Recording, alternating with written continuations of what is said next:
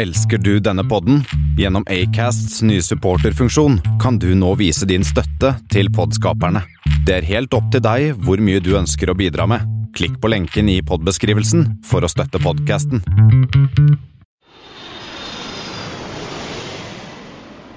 Hei og velkommen om bord til oss på Flypodden, Norges eneste podkast for fly og luftfart. Som sagt, velkommen om bord. De som sitter her og skravler i dag, er meg, Thomas Lone. Og Kristian Kamau. Hovedtemaet i dag skal være middle of the market flymaskiner. Det som er litt spesielt med dagens utgave av denne podden, det blir en litt sånn middle of the week-pod. Pga. vinterferieavvikling så blir det litt annerledes i dag. Og så er vi veldig glad for enormt god respons på podden i, i siste ukene. Nå Sist fredag så satt jeg i håndballhallen med sønnen min, og der så jeg at vi plutselig havnet på tredjeplass på listen til iTunes over podkaster innenfor økonomi økonomi. Og da lå vi som rett under, følte jeg, E24s Valbrokk og co. Og vi havna sånn midt på topp 50 på alle podkaster i Norge også, så det var jo en, en god følelse, Thomas. Ja, jeg så et lite, en liten stund der, så var vi foran Dagsnytt 18 på, i Norge. Vi var vel rett opp på lavt på 40-tallet der en liten stund, så det var jo helt sinnssykt. Så det er godt. Det ser ut som det da ikke bare er oss to som uh, syns det er gøy å slarve om uh, og nerde om fly og luftfart, Thomas? Nei, det er tydeligvis at det er et tema som fenger bredt, og det er vi jo veldig glad for. Vi lovte jo egentlig forrige uke at vi skulle ha med oss Lasse Sandaker Nilsen i Norwegian som gjest for å snakke om Argentina-satsingen. Men eh, siden du var inne på det er jo vinterferie, og vi har ikke avtale med han før til fredagen, og da hadde vi ikke rukket å slippe denne på torsdag som vi vil. Eh, ja, og, og, vi liker jo liksom å ha faste dager. Vi har Ja. avgang på torsdager. Det er det vi har. Eh, og Derfor tenker jeg at vi lar Argentina ligge til neste ukes podkast. Og nå snakker vi eh, Var det MMA du sa? Nei, ikke MMA. NMA.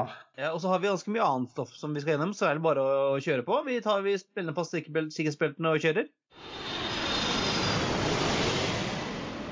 Christian, har du vært noe på tur i det siste? Ja, jeg har vært på tur, og for en gangs skyld har jeg ikke vært i Stockholm. Eller jo, jeg har jo faktisk vært på Arlanda en tur. Eh, Jeg har vært i, London med familien, tatt vinterferie, noen vinterferiedager i eh, verdensmetropolen London. Det er, eh, jeg må si, London er vel en av de mine favorittbyer å reise til. Når jeg skulle legge opp ruta, så var det faktisk den beste ruta til London på en søndag morgen var faktisk via Arlanda. Ja, Eh, litt tilbake for å komme fram. ja, det viste sånn totalene både for eh, prismessig og for å komme fram ganske tidlig på søndagen, for å få liksom nesten en full dag. Så var det altså via Stockholm, og så var det jo en liten pluss da, for meg, den flynerden i familien, at vi da skulle også fly SAS Ireland, faktisk, med en splitter ny A320 Neo. De har jo fått veldig mye um, lovord om servicen sin, disse SAS Ireland. Jeg har sett en del på, på Facebook og andre kanaler, folk som har vært ute og flydd med dem, og alle uten unntak har skrytt av servicen til SAS Ireland. Jeg har bare vært en liten tur i Førde denne uka. Eh, I vinterferieuken så er det veldig stille for, eh, for oss og i det firmaet som jeg jobber i. Så det blir en rolig uke, blitt en rolig uke på kontor denne uka. Så blir det mye ut og farte til neste uke, så det blir spennende. Ja, og da neste uke blir det en tur til Stockholm for meg igjen, da, som, som vanlig. Jeg skal prøve meg på Sandnessjøen igjen, se om jeg kommer fram denne gangen. Ja, lykke til. lykke til. Forrige uke så, så vi på passasjertallene for de første, største flyselskapene i Norden. I dag så tar vi oss en kikk på de største flyplassenes januartall. Og jeg tenker Ja, at Vi tar dem i, i rekkefølge, ja. sånn etter hvem som er størst. Og det er alltid litt spennende hvilken flyplass i Norden som dro inn flest passasjerer i måneden som gikk. Og hvem Ja. tror du, Thomas? Da tipper jeg København. Det er riktig. København lå på toppen i januar med 1 927 440 passasjerer. Når jeg sier liksom helt ned på, ned på antallet, så er det fordi at januar var ekstremt tett. Og det, i København så er det jo som vanlig ikke noe særlig domestic. Um, det er 120 000, og så er det en halvannen million på Europa, og så er det 278 000 intercont. Og totalt så gikk København-trafikken ned med 2,7% i januar i forhold til januar i 2016. Og det eneste området som går opp er intercont. Og det kan vel hende at det er våre Norwegian-venner som drar opp den. Det skal du ikke se bort ifra. Og så har de Det som har kjøpt gøy i København, er at de har eh, gitt oss lista over de ti mest populære destinasjonene eh, inn og ut av København. Ja, og der er det vel egentlig the usual suspects, i hvert fall topp tre, vil jeg si. Ja, det er London, Oslo, Stockholm, etterfulgt av Amsterdam og første domestic Aalborg på femte. Paris, Helsinki, Frankfurt, Brussel og den første og eneste, ja, eneste longhold-destinasjonen på tieren er Dubai. Jeg syns det er rart at ikke New York er foran Dubai, men kanskje det er en litt dårlig, eh, dårlig periode for, eh, for New York eh, i januar med kaldt vær og folk tenker ikke å shoppe så mye etter jul. Jeg vet ikke. Ja, Han kjører vel eh, fremdeles Emirates 380 på København, gjør han ikke det? Ja. Uansett, Dubai, tiendeplass, eneste intercont på topp ti. Det som jeg syns er litt spennende, da, at på en annen plass så kunne du jo eh, vel tippa kanskje at det var Oslo eller Arlanda som kniva.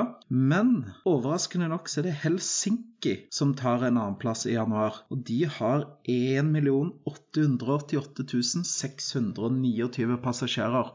Og det er opp, hold deg fast, 11,5% fra januar i fjor. Ja, 11% vekst i januar. Det, det er tøft, eh, Finland, altså. Ja, og da fordeler trafikken seg på um, 29% av trafikken er innenlandstrafikk, ca. 550 000. Og så er det 54% rett over millionen som er um, eh, europatrafikk. Og så er det 306 000 som er interkontinental trafikk. Og det som jeg syns også litt eh, kan bite seg merke i, det er at da faktisk er Helsinki større enn København på interkontinentaltrafikk i januar. Tenk det. Ja. Veksten til eh, Helsinki henger mye sammen med hva Finner gjør. da. Når Finner var vi inne på forrige uke, også er, eh, har hatt en bra vekst eh, framover. Og da drypper det jo på, på Helsinki. altså. Når Finner gjør det bra, så får eh, Finavia noen smuler også. Ned til tredjeplass, hvem eh, tror du er der eh, da, Christian? Nå er det vel eh, OSL sin tur. Det er helt riktig. Ca. 6000 passasjerer, sånn knappe 6000 passasjerer er det som skiller Helsinki og Oslo denne måneden. Det er ikke, det er ikke mange skytterstuer. Nei det, nei, det er ikke det. Oslo hadde da 1, Oslo hadde da 1 845 passasjerer totalt. Det er en økning på 2,7% i forhold til januar for året før. Det er ikke rart at de må liksom, helt ned på passasjertallet når det er såpass eh, jevnt i toppen der, altså. Nei, det er ikke det. Og um, jeg ser her at uh, det er en grei fordeling uh, innenriks og utenriks uh, på OSL. Det er ca. rett over en million utenriks. Ca. 850 000 innenriks, så det er en fin fordeling av trafikken da på OSL. Og så har du min eh, ikke, ikke si det er min favorittflyplass, men det er den flyplassen i tillegg til hvor hvor jeg tilbringer mest eh, tid, eh, og det er Arlanda. Og Arlanda havner da på en fjerdeplass i Norden med 1 899 787 passasjerer. Det er litt lenger ned på lista der, men også bare en, en, en vekst på 2% Så liksom København ned 2,5% Oslo opp 2,7 Os- Stockholm opp 2 og eh, Helsinki opp 11,5. Så jeg Ja, det er, det, er, det er sykt, den økningen de har hatt i Helsinki. Men eh, jeg tenker før vi konkluderer med disse tallene, så syns jeg igjen altså Det er jo klart det er jo sånn det er, men eh, det er jo eh, fascinerende å se da hvor stor andel av trafikken på OSL som er innenrikstrafikk. Ja, det ser jeg når du ser liksom på de 1,8 millionene som Oslo har, så er det jo en, er det som tar litt over en million på utenriks. Så det, det er jo som eh, min, vår, Oslos utenrikstrafikk er jo mindre enn en enn Helsinkis europatrafikk. Så det er liksom det, det er jo innenriks som, som drar opp, og det er jo klart det er mye store volumer som går rundt der. altså. Både Stavanger, Bergen og Trondheim er jo blant de største, største rutene i Europa. Det er det. De er vel blant eh, topp ti, eh, alle de rutene, eller har vært eller er. Det er litt sånn inn og ut.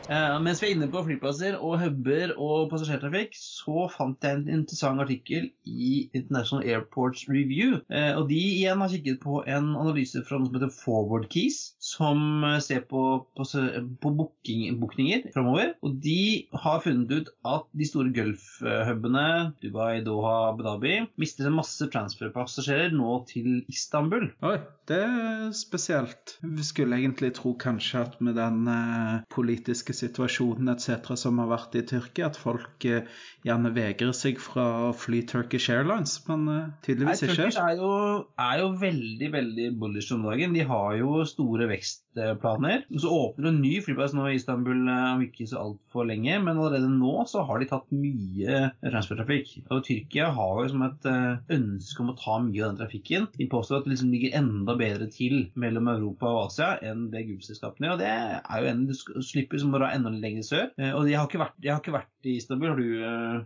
transportert deg, Thomas? Jeg har reist gjennom der et par ganger. Jeg har litt sånn elsk-hat-forhold til den flyplassen, egentlig. Flyplassen er fin, loungen er fin, men eh, jeg syns servicenivået som de eh, som jobber for Turkish Airlines på bakken der, det er vel under pari. Hvis du ser på, på disse foroverbookingene, da, altså du skal få forward det som ligger fram i tid, så viser disse tallene fra Forward Keys at, eh, at i første kvartal 2018 så ligger Istanbul nå 21% over samme prod i fjor. Og sånn som det, som det skjer et eller annet der. Altså, jeg ser, vi ser det på OCL også, hvor Turkish stadig setter inn større fly. Ja, de har jo vært titt ofte med en A330 på OSL. Ja, den er vel eh, nesten Det er jo snakk om at den skal komme permanent. Og de dukker jo opp i en, flere flyplasser rundt omkring, sånn sekundærflyplasser rundt omkring i Ålborg og Århus og Billund og overalt eh, de dukker opp. Og de skal jo eh, ta folk inn i dette denne huben sin der, for å ta, ta dem videre. Det ser ut som de har liksom fått til det. Det hjelper jo kanskje også at Doha ligger litt dårlig an om dagen pga. den politiske situasjonen eh, som Qatar har havnet i. Og Der vil jo typisk tyrkerne ta, ta og hente litt faks på den måten også. da. Så syns jeg jo at rutenettet til Turkish Airlines er imponerende. De flyr til 120 land i verden. Det er ingen annen flyselskap som flyr til så mange andre land i verden. De har vel over 300 destinasjoner fordelt på de 120 landene, så det er jo et helt sinnssykt rutenett eh, som de har ifra, ifra Istanbul. Ja, og så ligger det jo på sånn plass at ikke bare Europa, men også USA-trafikk kan jo også transferere gjennom Istanbul på en god måte. Jeg har også eh, hørt andre som har fløyet innom der, eh, som har sagt at eh, det er jo en effektiv flyplass, og en, den Turkish loungen der skal jo være helt sjuk, visstnok. Ja, den er veldig god. Sinnssykt god mat, god plass. Eh, det er klart det er mye folk, da, men eh, det er på så mange tusen kvadratmeter det er spredd over at eh, Og det er helt nydelig for ungene. Det er lekerom, det er bilbaner, det er videospill. Ja, you name it. Det er fantastisk plass å, å ha transfer sånn sett, den, den loungen der. Så 29. oktober åpner Istanbuls nye flyplass, sier de. Håper at de er litt heldigere med fly flyplassåpninger enn en de er i Berlin. ja, det er sant.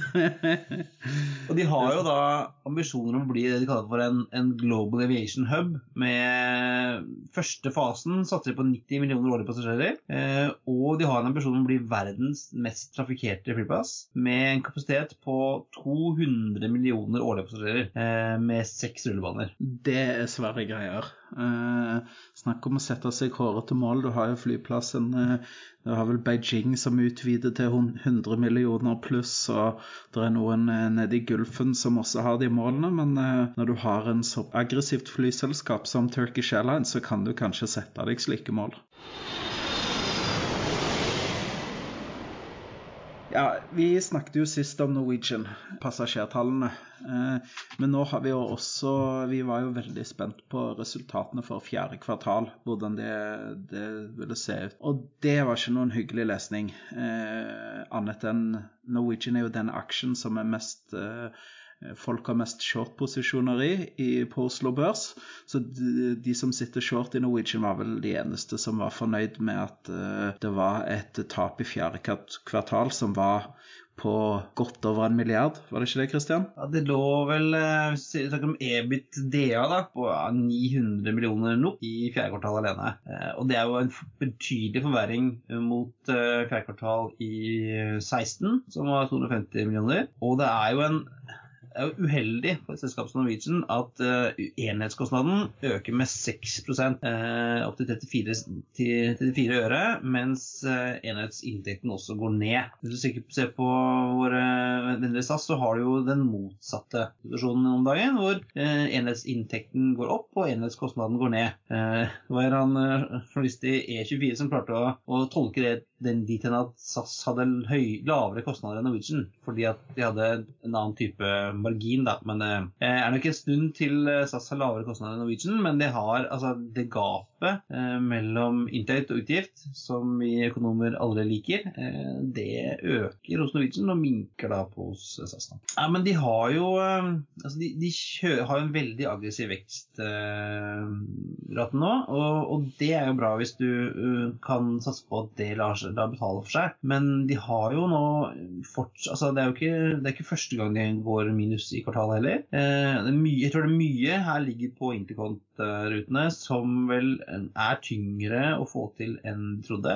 Flere kostnader, lavere, lavere inntekter. Eh, det koster å, å, drive den type ekspansjon. Og samtidig så har de jo også en helt enorm gjeld. Ja, de har kjøpt masse fly og lånt masse penger, eh, og de flyene skal betales. Ja, all veksten til Norwegian er jo lånet egenfinansiert. Eh, det virker jo som at Kjos og, og Skise og de andre i Norwegian de nekter jo f.eks. å gjennomføre aksjeemisjoner som, som, kan vanne ut aksjonærene. Så, så, alt er jo De lever jo stort sett kun på kreditors vilje. Så, så lenge kreditorene har troen på Norwegian, så går det vel dette bra. Vi får håpe at uh, kreditorene vet ting som vi ikke vet, og, og at den tilliten er der fortsatt. For um, ser man på tallene isolert sett, så kan det jo begynne å spøke, syns jeg, da. Ja, de har, altså, de har, jo fått til enormt mye ting. Og, og, og som Bjørn Kjos sier, så er det jo mye her. Han jo, han mener at mye av disse kostnadene skyldes oppstart. At det er en oppstartskostnad, og at det der skal stabiliseres når man får uh, sånn driften til å gå som den skal, da. Men det har han sagt lenge. Um, og det er jo en del som begynner å spørre, stille spørsmålstegn ved liksom, er han rett mann til å drive selskapet videre. Det skal ikke jeg uttale meg om, men, eh, men, det er sånn mye, mye spørsmål du var inne på med det med kreditt og, og, kreditorer, så har de jo en mulig bombe der i uh, sitt eierskap i Bank Norwegian også. Det kan fort bli sånn litt regnskapsteknisk, men, men de, de, ha, de, har uh, en, en mulig problem der med at Finanstilsynet anser at Norwegian har såpass stor innflytelse over Bank Norwegian at de må ta igjen liksom hele balansen inn i sin balanse. Og da forsvinner liksom to milliarder av, av egenkapitalen til Norwegian regnskapsmessig. Og da ligger de veldig tynt, da er de veldig tynt på egenkapitalsiden, og det kan bli, det kan bli et, et, problem som måte, kan framskynde der, en, en emisjon som igjen kan utvanne aksjene til eh, og Kise. da. Jeg så det også at um, det var et av disse litt større meglerhusene i, i, utlandet som mente kursmål, et riktig kursmål på Norwegian var 50 kroner aksjen. Og det vil si at altså, kun verdien av Bank Norwegian er jo prisa til ca. 78 kroner per aksje. Så det vil si at de, de i deres vurdering mener de at uh, flydriften til Norwegian påvirker uh, egenkapitalen til Norwegian negativt. Så det er jo ja, det er veldig sterke, sterke spådommer å si at, uh, at flydriften til Norwegian uh, holdt på å si, har negativ verdi. De er, i, de er i vinden om dagen, både positivt og negativt. holdt på å si. Mye ekspansjon og mye finansuro. Men uh, ja, vi kan jo ikke gjøre noe annet enn å vente og se. Vi kan, selv om vi skal snakke mest uh, biff og, og, og, og tango med, med, Lasse neste uke, så kan vi vi må spørre litt om disse tallene og hva de mener om det i den butikken også. Ja, det får vi gjøre. Du har jo en forkjærlighet for Finland, Christian? Det har jeg. Jeg er uh, veldig glad i Mummiland. Uh, er der ganske ofte i jobben. Og det, den første jeg kjøper når jeg er der borte, er uh, salmiakki-sjokolade. Det er altså melkesjokolade med flytende lakris inni. Fantastisk godt. Men det, det høres ut som noe av det verste i hele verden. det er litt sånn Den er veldig binær. Enten så elsker du det, eh, eller så hater du det. Da I flypodden så står vi én i hver, har vi én fot i hver leir. Yes, men det er ikke sjokolade vi snakker om. Vi skal snakke om fly og Finnair, som vi snakket om. Har eh, også sluppet eh, tallene sine i den uka som gikk, og de hadde noe helt annet. Noe mye hyggeligere å lese enn Norwegian-tallene. Ja, de klarer jo å kombinere vekst med det å tjene penger. Og det er ikke dårlig når det er et selskap som Finner, som faktisk er jo et tradisjonelt nettverksselskap på samme måten som SAS og Budsjeves Lufthansa, men altså har kjørt en, en, bra vekst og tjener penger. Der hvor Norwegian gikk en, 900 millioner kroner i bakk, så gikk Finner 222 millioner nok i pluss i Q4. Eh, og det er det beste kvartalet i Finners historie noen gang. De fløy 23 millioner passasjerer, som har økning på 17 og um, på, på, årsbasis så ser det ut som at de kan eh, dra inn en eh, hyggelig 436 millioner euro i pluss. Det er bra. Kjapt så så det at vi får en rute fra Oslo til Tel Aviv i sommer. Fra 25.07. til 29.8. Så ca.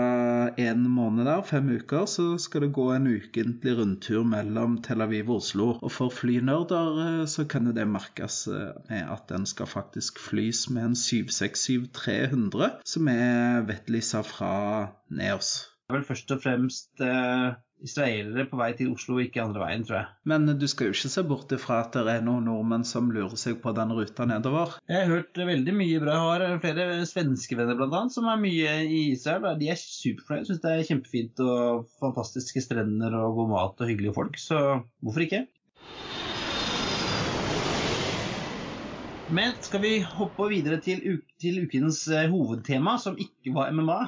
Hva er NMA, Thomas? Jo, markedet, flymarkedet har en stor utfordring. F.eks. hvis man ser på Boeing, eh, så er det et stort gap mellom 737 maks 10, som har en maks takeoff-vekt på rundt 88-89 tonn. Og neste maskin, som er mm, Boeing 7878, som har ca. 230 tonns eh, takeoff-vekt. Det er en eh, mellomrom der på 140 tonn som, som det ikke finnes noe alternativ for hos Boeing nå. Det går litt på takeoff-vekt, og så da også underforstått rekkevidde, hvor langt man kan fly. Tidligere så var dette hos Boeing dekka av 757, eh, eh, som hadde en takeoff vekt på 116 tonn og kunne fly en ca. 3900 nautiske mil. Hvis man skulle ha enda litt større, så gikk man opp til en 767-300 ER, som, som, hadde en takeoff-vekt på 187 tonn, maks takeoff-vekt, og, og da kunne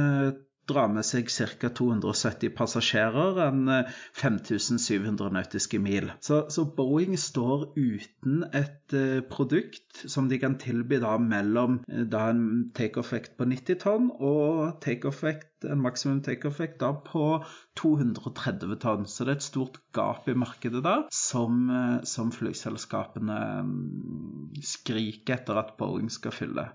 Da ligger jo A321 ligger vel sånn litt rundt i det i hvert fall den nedre delen av dette segmentet. sant? Ja, A321 long range, som den heter, eller noen skriver også A321 Neo LR, den har jo en maks takeoff-vekt på ca. 97 tonn, eh, og har en rekkevidde på ca. 4000 nautiske mil. Så det ligger på en måte i det nedre spekteret av denne middle of the market-maskinen, eh, men den møter jo en del av behovet som en del av disse flyselskapene har. Jeg tror Boeing sitter sitter i Seattle og Rampton og hvor enn de sitter, eller i Charleston eller hvor de, hvor de, sitter. Og så tror jeg de sitter angrer litt på at de la ned 757-programmet. fordi at når, beslutningen om å legge det ned ble gjort igjen 2003-2004, så var det jo ingen som tenkte at um, disse maskinene her skulle gå noen andre steder, f.eks. Eh, transcontinental fra øst til vestkysten i USA, eller kanskje litt sørover i Mexico og, og, og, og Mellom-Amerika. Men så, så, fant jo disse um, utviklerne i flyselskapene ut at jo, vi kan jo sende disse maskinene transatlantisk. Og dette ble jo startet et par år etter Boeing hadde lagt ned Eh, produksjonen av 757. Og til bedriftsøkonomenes store jubel så var, denne, var det jo det utrolig vellykka, eh, det å, å sende 757-er transatlantisk. Eh, passasjerene likte det, Ofte så kunne man komme seg fra mindre byer og direkte til New York. Økonomene i flyselskapene elska det. Det var utrolig god økonomi i å fly en 757 transatlantisk. Eh, men utfordringen er jo nå at eh, selskapene som gjør dette, spesielt da United og Delta, har jo en snittalder på over 20 år på disse maskinene. United har en ca. 80 maskiner, og Delta har ca. 130 maskiner.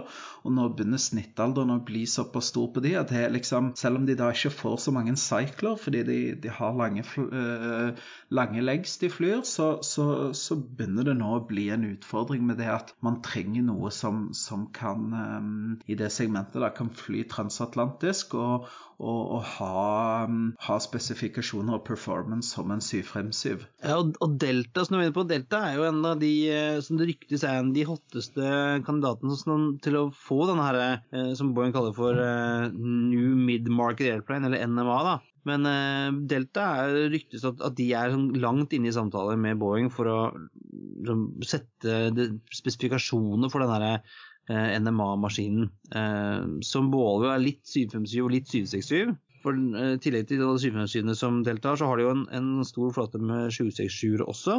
Og det, Vi vet jo ikke så mye om hvordan denne denne NMA-en vil se ut, eller hva den vil performe, men det sies at den ligger rundt en 220-280 seter. Kunne fly 5000 nautiske mil, 9250 km, eh, til en kostnad som ligger på rundt 30% under 747. Eh, og den allerede er jo en, en hyggelig maskin hvis de får lov altså det, det som Flyselskapene er jo interessert i å kjøpe den her, og, og, og, selgerne til Boeing vil gjerne selge den. Men det er opp til styret nå, eh, visstnok, om de skal gå for liksom å, å, å launche den her og committe seg til en ca. 10 milliarder dollar i utviklingskostnader eh, over noen år. Eh, og kunne levere rundt 2024-2025. Ja, og utfordringen der er, hvis de går inn på dette starter opp utviklinga av en ny sånn maskin nå, så vil jo dette gå på bekostning av da at de er nødt til å skyve videre på en nyutvikling av 737-en. Eh, det har jo vært noe som har vært ønska lenge, altså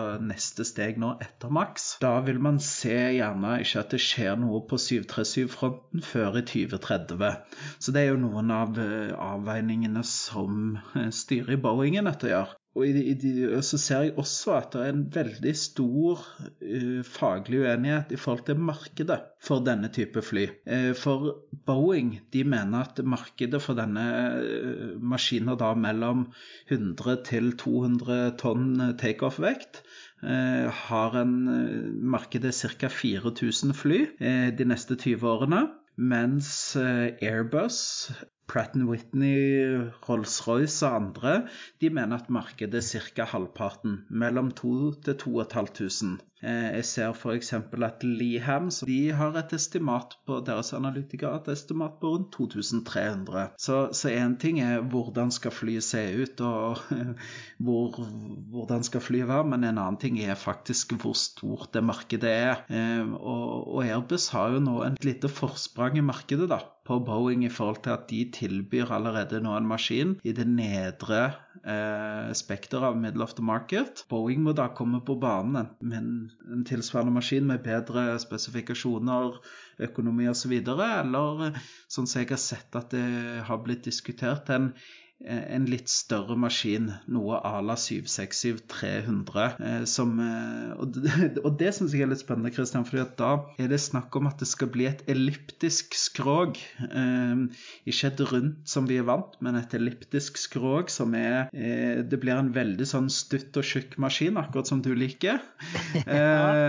For da blir det to midtganger. Det blir ikke én midtgang som det var på 757-en, men det vil bli to midtganger. Eh, men da med mindre plass for cargo eh, og mer plass for fuel. Så det, det er litt sånn Det er jo venta en beslutning i løpet av 2018 på dette her, da, så det blir utrolig spennende å se hvordan eh, hva Boeing kommer til å gjøre her, da. Ja, det var jo mange i bransjen, særlig, altså, særlig på flyselskapssiden, som var veldig skuffet når først når både Airbus og Boeing ikke gikk for en ny, eh, nytt design i, i 737 A320 størrelsen, men gikk for Max og Neo, som var det samme flyet, men med litt endrede vingespisser og nye motorer. Eh, og jeg tror det var mange som ønsker seg sånn et helt nytt, uh, nytt, design. Og det er jo ikke ja, vi har Som vi ikke har sett siden, uh, siden 787 og, og A350. Uh, og, og 737 er jo, på en måte, er jo basert på et design fra 50-tallet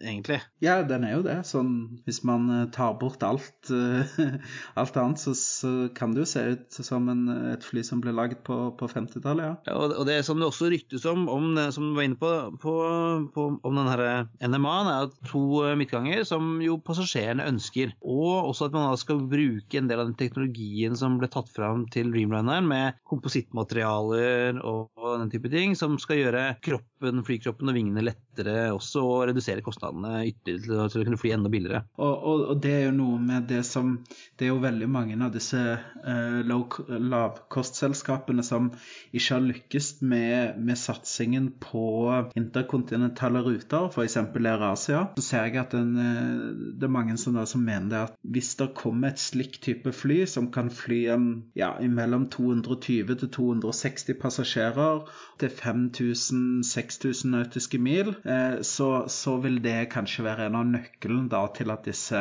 eh, lavkostselskapene skal kunne virkelig sette i gang og fly, fly lange ruter. Vi var jo inne på uh, sist gang med, med 77 Max 7 og A321 eh, Neo LR at de kan fly langt, men du snakker, det er fremdeles én midtgang og litt trangt. Eh, og med to midtganger så får du en helt annen, eh, helt annen komfort. Det minner litt om det som Janne Carlsson lanserte på helt tilbake på tidlig 90-tall, med The Passenger Pleasing Plane, som også var eh, en sånn elliptisk kropp og to midtganger, og, og med, med, fokus på passasjerkomfort framfor egentlig økonomi. Det er jo veldig spennende, da.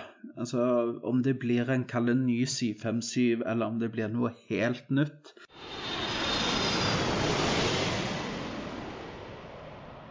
Og siden vi er kanskje ikke blant de som vet aller best hva, hva framtiden vil bringe, så har vi hørt med en som kanskje vet det. Vi har snakket med Dag Johnsen, som er direktør for teknisk vedlikehold og motorer i United Airlines.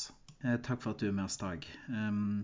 Hva tenker du er den største forskjellen på 757 og A321 LR, som, som du har sett uh, i jobben din? Fordelen på en 750 er at den har en større vinge, så du, du har mer effektivitet fortsatt. Og du kan, du kan strekke legga litt lenger med den greia der. Så, så, så, den, så, de får jo selvfølgelig en uh, De får effektiviteten fra de nye motorene både på Pratt og, og Leap 1A, men, um, men, rekkevidden Du må fortsatt ha med deg ganske mye strippfuel, for du har ikke den vingen til å løfte.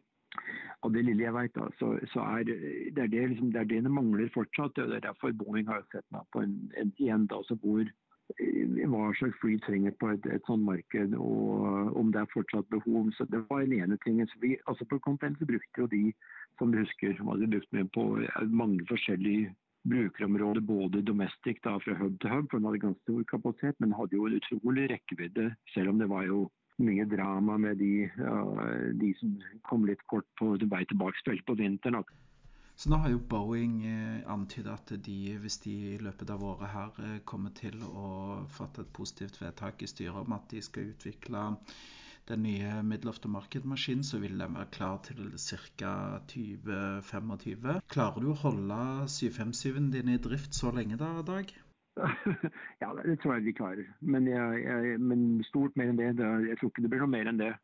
Det er jo fordelen også at vi har ikke så, så mange altså cycles på de flyene, for de har flydd veldig mye sånn transatlantiske ruter. Men, eh, men, nei, jeg tror nok det. Men uh, jeg tror ikke det er for tidlig hvis de kommer ut med en modell. Det har vært mye spekulasjon jeg også, om de skal lage en komposittskrog à la en, en, en, nedgradert 787. Uh, skal den holde seg til aluminiumskrog og sånn, og kanskje en sånn hybrid, kanskje kompositt vinge med aluminiumskrog. Det er vel mye sånne konsepter. Så, uh. Det har jo vært spekulert i voldsomt hvordan en sånn uh, ny maskin skal se ut.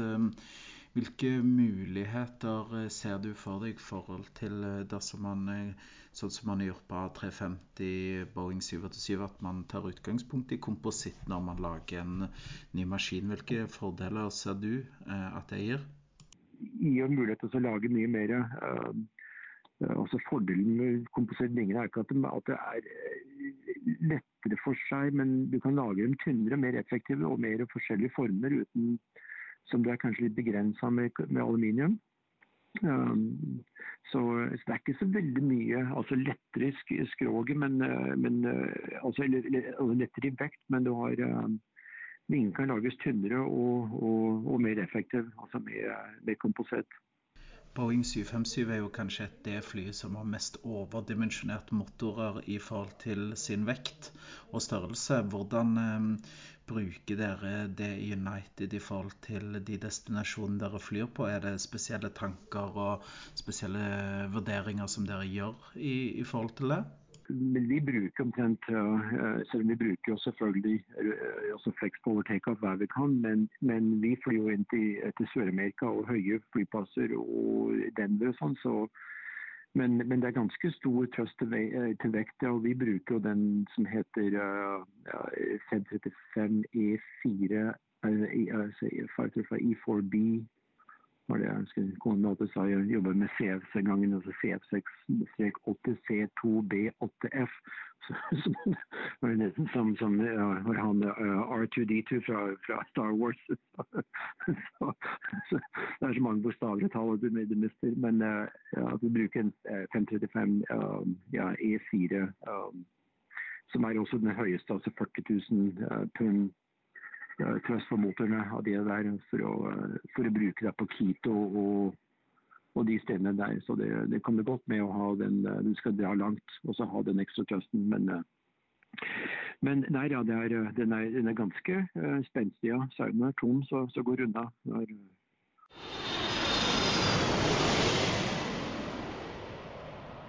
Ja, det blir spennende å se med 757. Jeg håper at Boeing klarer nå i løpet av 2018 å bestemmer bestemme seg. Jeg håper selvfølgelig at de sier ja, at vi får se noe helt nytt da i løpet av en eh, syv-åtte års tid. At det kommer en helt ny maskin på markedet. Det håper jeg blir spennende. Eh, det ble jo sagt en gang om at den eneste The only replacement for DC3 is another DC3. Så kanskje the only replacement for 757 is another 757, men uh, det lages ikke flere. Uh, og de som har de, har jo ikke noen særlig av å gi slipp på dere, ser det ut som? Nei, de er jo sikkert både nedbetalt og uh, godt vedlikeholdt, så hvorfor ikke holde på de så lenge de kan? Jeg begynte jo forrige uke med ukens anbefaling, eh, og nå er det din tur, Thomas. Har du en anbefaling? Det har jeg. Vi har jo snakka litt om eh, biff og rødvin i det siste i forhold til Argentina. Så jeg tror rett og slett jeg skal gå for eh, en restaurantanbefaling, jeg. Ok. Ja. Hvis man drar til Ho Chi Minh City eller i Bangkok, men min favoritt ligger i Ho Chi Minh eller Saigon, så må man dra og spise biff på et sted som heter El Gaucho. Det er kanskje noe av den beste maten jeg noen gang har spist. Um, så jeg vet jo at vi har et publikum som reiser mye. Um, så jeg vil si hvis du er i Bangkok eller hvis du er i, i Saigon, ta en tur på El Gaucho, spis biff der. Gjerne wagyu-biffen. Entrecôten er også helt nydelig så tror jeg du ikke blir skuffa. Begge stedene så har de òg nydelig eh, karamellsnaps som man blir servert eh, etter maten på huset. Eh, og det er mer enn én gang at undertegnede har havna på druen etter ublidt møte med den karamellsnapsen. Så min anbefaling er altså El Gaucho for da kan jeg jo supplere din eh, gaucho med at det finnes også gaucho-restauranter i London som også er italienske biffrestauranter, som jeg også kan anbefale på det varmeste.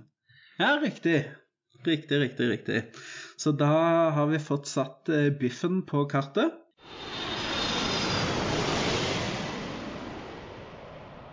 Takk for den anbefalingen, Thomas. Da tenker jeg det er på tide for oss å gå inn for landing og, og disarm slides etter hvert. Det var, dette var det for eh, episode tre av Flypodden. Jeg håper du som lytter på oss, har hatt eh, like gøy som, som vi som har lagd den og at du fortsetter å høre på oss. Abonner gjerne på oss i iTunes, og gi, gjerne, gi oss gjerne en rating. Eh, og vi fins også selvfølgelig på uh, flypodden.no. Der ligger det litt linker til uh, ting vi har snakket om i dag. Og du finner oss på Facebook på facebook.com slash flypodden, og på Twitter på twitter.com slash flypodden. Og hvis du vil sende oss en liten uh, melding på e-post, så kan du sende oss en e-post på hallo at flypodden.no. Hvis du vil være gjest, eller hvis du vil uh, sponse oss, f.eks. Så med det så sier vi takk for oss, og vi er tilbake om en uke med Lasse Sandaker Nilsen og Argentina. Kjøpt en sånn fin mikrofon, samme mikrofon som du har, Thomas. Ja. Så takk til cdon.com for den. Uh, og ha en andre her fra ECCI2683, uh, som skriver Gi oss fem stjerner, og skriver bra og variert innhold, og jammen lærer jeg ikke noe nytt også innimellom. Hilsen Avgeek. Hei på deg, og takk for den. Det Kom gjerne med flere sånne. Vi kommer til å lese alle de eh, vurderingene vi får framover. Har du tips, vil du være gjest, vil du sponse oss, så send oss en mail til hallo på flypodden.no. Og så finner du oss også på facebook.com slash flypodden og på Twitter at Flypodden. Takk for nå, og velkommen om bord neste uke.